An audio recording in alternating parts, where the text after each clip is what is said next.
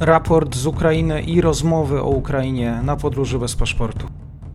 Dzień dobry wszystkim słuchaczom. Dzisiaj gościem podcastu jest pan dr Dariusz Materniak, portal polsko-ukraiński. Dzień dobry. Dzień dobry. Całkiem niedawno pojawiła się informacja i ta deklaracja również premiera e, Ukrainy. Ukraina rozpocznie stopniowo budowę kolei europejskiej, by właściwie połączyć swoją sieć torów z Unią Europejską. E, przyłączy się też do takiej unijnej przestrzeni roamingowej. Tak wyjaśniając, jak wygląda dzisiaj ten ukraiński rozstaw torów? To jest 1520 mm, czyli to jest więcej niż ten nasz tak zwany europejski, standardowy, albo Stevensonowski, czyli ten e, wynaleziony oryginalnie przez mm, brytyjskiego inżyniera Stevensona, który w zasadzie stworzył, można powiedzieć, współczesną nam kolej na początku XIX wieku i stąd właśnie jego nazwiska nazwa tych standardowych torów o szerokości 1435 mm. To są te tory, po których przeważającej większości jeździmy w Polsce. W przypadku krajów Europy Wschodniej, byłego Związku Radzieckiego przede wszystkim,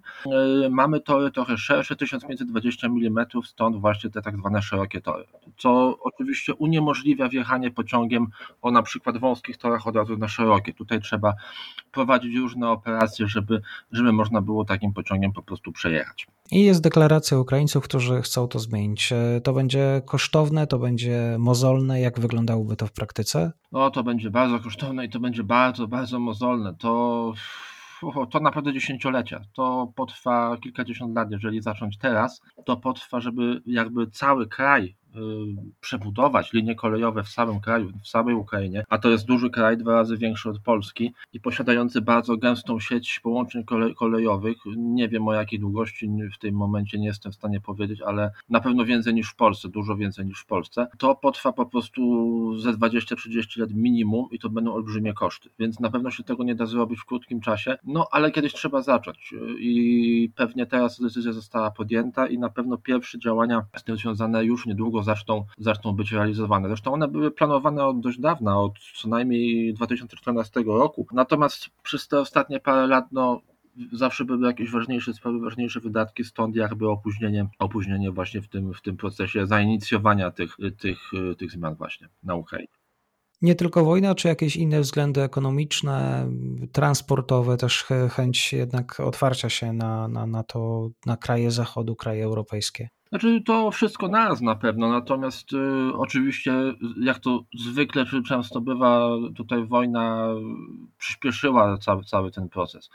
Y, tutaj chodzi przede wszystkim o ukraiński eksport. Y, ten eksport, który był do tej pory realizowany drogą morską, czyli przede wszystkim przez porty takie jak Odessa czy Czornomorsk, czy Mariupol. Przez te dwa pierwsze przede wszystkim eksportowano zboże, którego Ukraina jest jednym z największych eksporterów na świecie. Sama produkuje około 75 milionów ton rocznie, przynajmniej to jest wynik za 2019 rok, z czego mniej więcej dwie trzecie trafiało właśnie na eksport i to głównie drogą morską do krajów takich, do Unii Europejskiej oczywiście też, ale także do krajów takich jak Chiny, czy Egipt, czy generalnie sporo krajów bliskowschodnich albo afrykańskich. W tym momencie ten eksport drogą mm, morską przez Odessę właśnie jest niemożliwy, dlatego że tam się toczą po pierwsze działania wojenne, po drugie w ramach tych działań mamy zaminowane tory wodne prowadzące do portu w Odessie, więc żaden cywilny statek nie jest w stanie tam wejść bez ryzyka zatonięcia po prostu na, na minie. Rozminowanie tego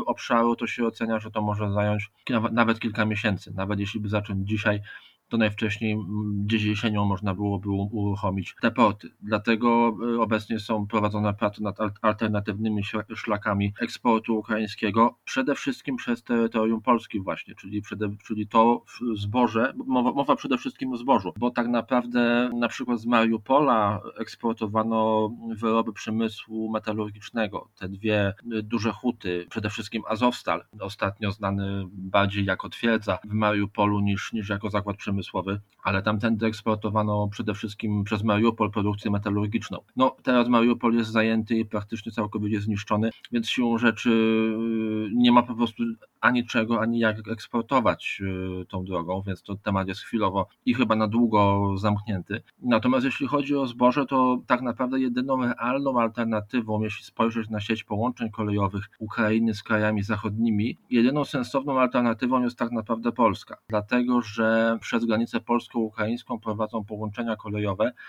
zarówno co ciekawe o wąskim, jak i szerokim rozstawie torów. To jest znaczne ułatwienie, jakby nie patrzeć. Tych przejść kolejowych jest 7 albo 8, już w tym momencie dokładnie nie pamiętam. Dla porównania na przykład takie przejście ze Słowacją jest chyba tylko jedno, Y, i z Węgrami też jest jedno, chociaż z Węgrami to jest w ogóle inna historia, jak wiemy, ze względów już politycznych. Tutaj Węgry raczej nie są rozpatrywane y, realnie jako kraj, który by mógłby w jakiś sposób sprzyjać ukraińskiemu eksportowi. Mm, y, jest jeszcze Rumunia, ale te połączenia kolejowe z Rumunią, one są o niskiej przepustowości i żadne z nich, co istotne, nie jest zelektryfikowane, czyli nie mogą tam jeździć pociągi elektryczne, a tylko spalinowe.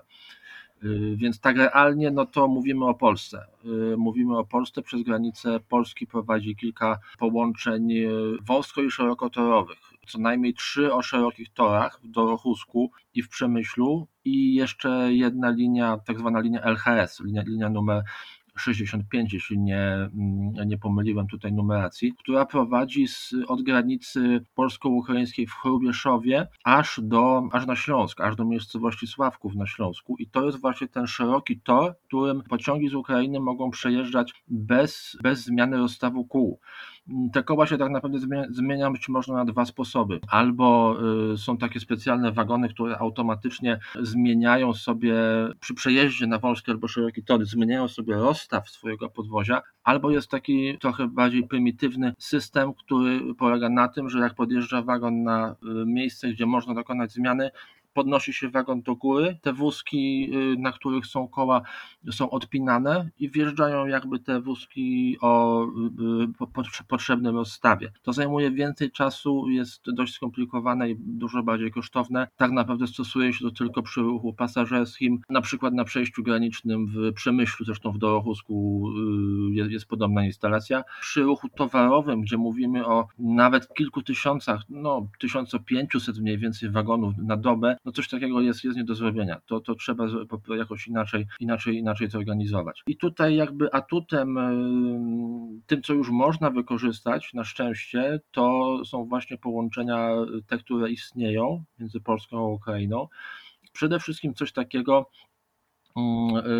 co się nazywa Traseka, czyli to jest taki korytarz transportowy projektowany już od dobrych 25 lat pomiędzy Odessą a Gdańskiem. To y, przede wszystkim linia kolejowa, w perspektywie też, też autostrada, też połączenie drogowe, ale przede wszystkim to linia kolejowa, która biegnie z Odessy do Przemyśla przez Lwów i dalej z Przemyśla przez Kraków czy Lublin i Warszawę do portów na, na polskim wybrzeżu, czyli przede wszystkim do Gdańska, Gdyni, ale także do Szczecina na przykład. Tam oczywiście jest problem znowu ze zmianą rozstawy torów, natomiast mm, mamy połączenie właśnie między Przemyśl, to w Przemyślu. Do Przemyśla prowadzi, prowadzi tor y, szeroki z jednej strony, z drugiej strony od Przemyśla do granicy jest to wąski a z kolei od granicy polsko-ukraińskiej w Medyce do mm, stacji, w zasadzie terminalu przeładunkowego w Mościskach, to już jest po ukraińskiej stronie, jest tylko 7 km, więc tam y, nie jest większym problemem dobudowanie po prostu tych 7 km torów wąskich i dzięki temu będzie można, korzystając z infrastruktury przeładunkowej właśnie w mościskach, będzie można dość prawdopodobnie sprawnie przeładowywać te ładunki z jednych wagonów na drugie i dzięki temu transportować je z Ukrainy już siecią kolejową polską w stronę portów, na przykład, y, jak wspomniałem, w Gdańsku, Gdyni czy, czy Szczecinie, lub też bardziej na zachód. To są oczywiście kolejne kraje, czyli Niemcy, na przykład i port w Hamburgu, czy, czy dalej Amsterdam, Antwerpia, czy, czy jeszcze inne porty, którymi będzie można eksportować y, ukraińską produkcję, przede wszystkim rolną. No przyznam, że dla mnie, z, bo nie, mieszkam niedaleko do Rochuska, to właśnie akurat y, widok kolejarzy, którzy musieli podstawiać pociągi, do których przesiadali się z kolei pasażerowie z ukraińskich wagonów, no to jest taka codzienność. Y, dzisiaj na ten temat o tym, że rzeczywiście Ukraina chce przejść na europejski rozstaw torów, dr Dariusz Materniak, bardzo dziękuję. Dziękuję bardzo.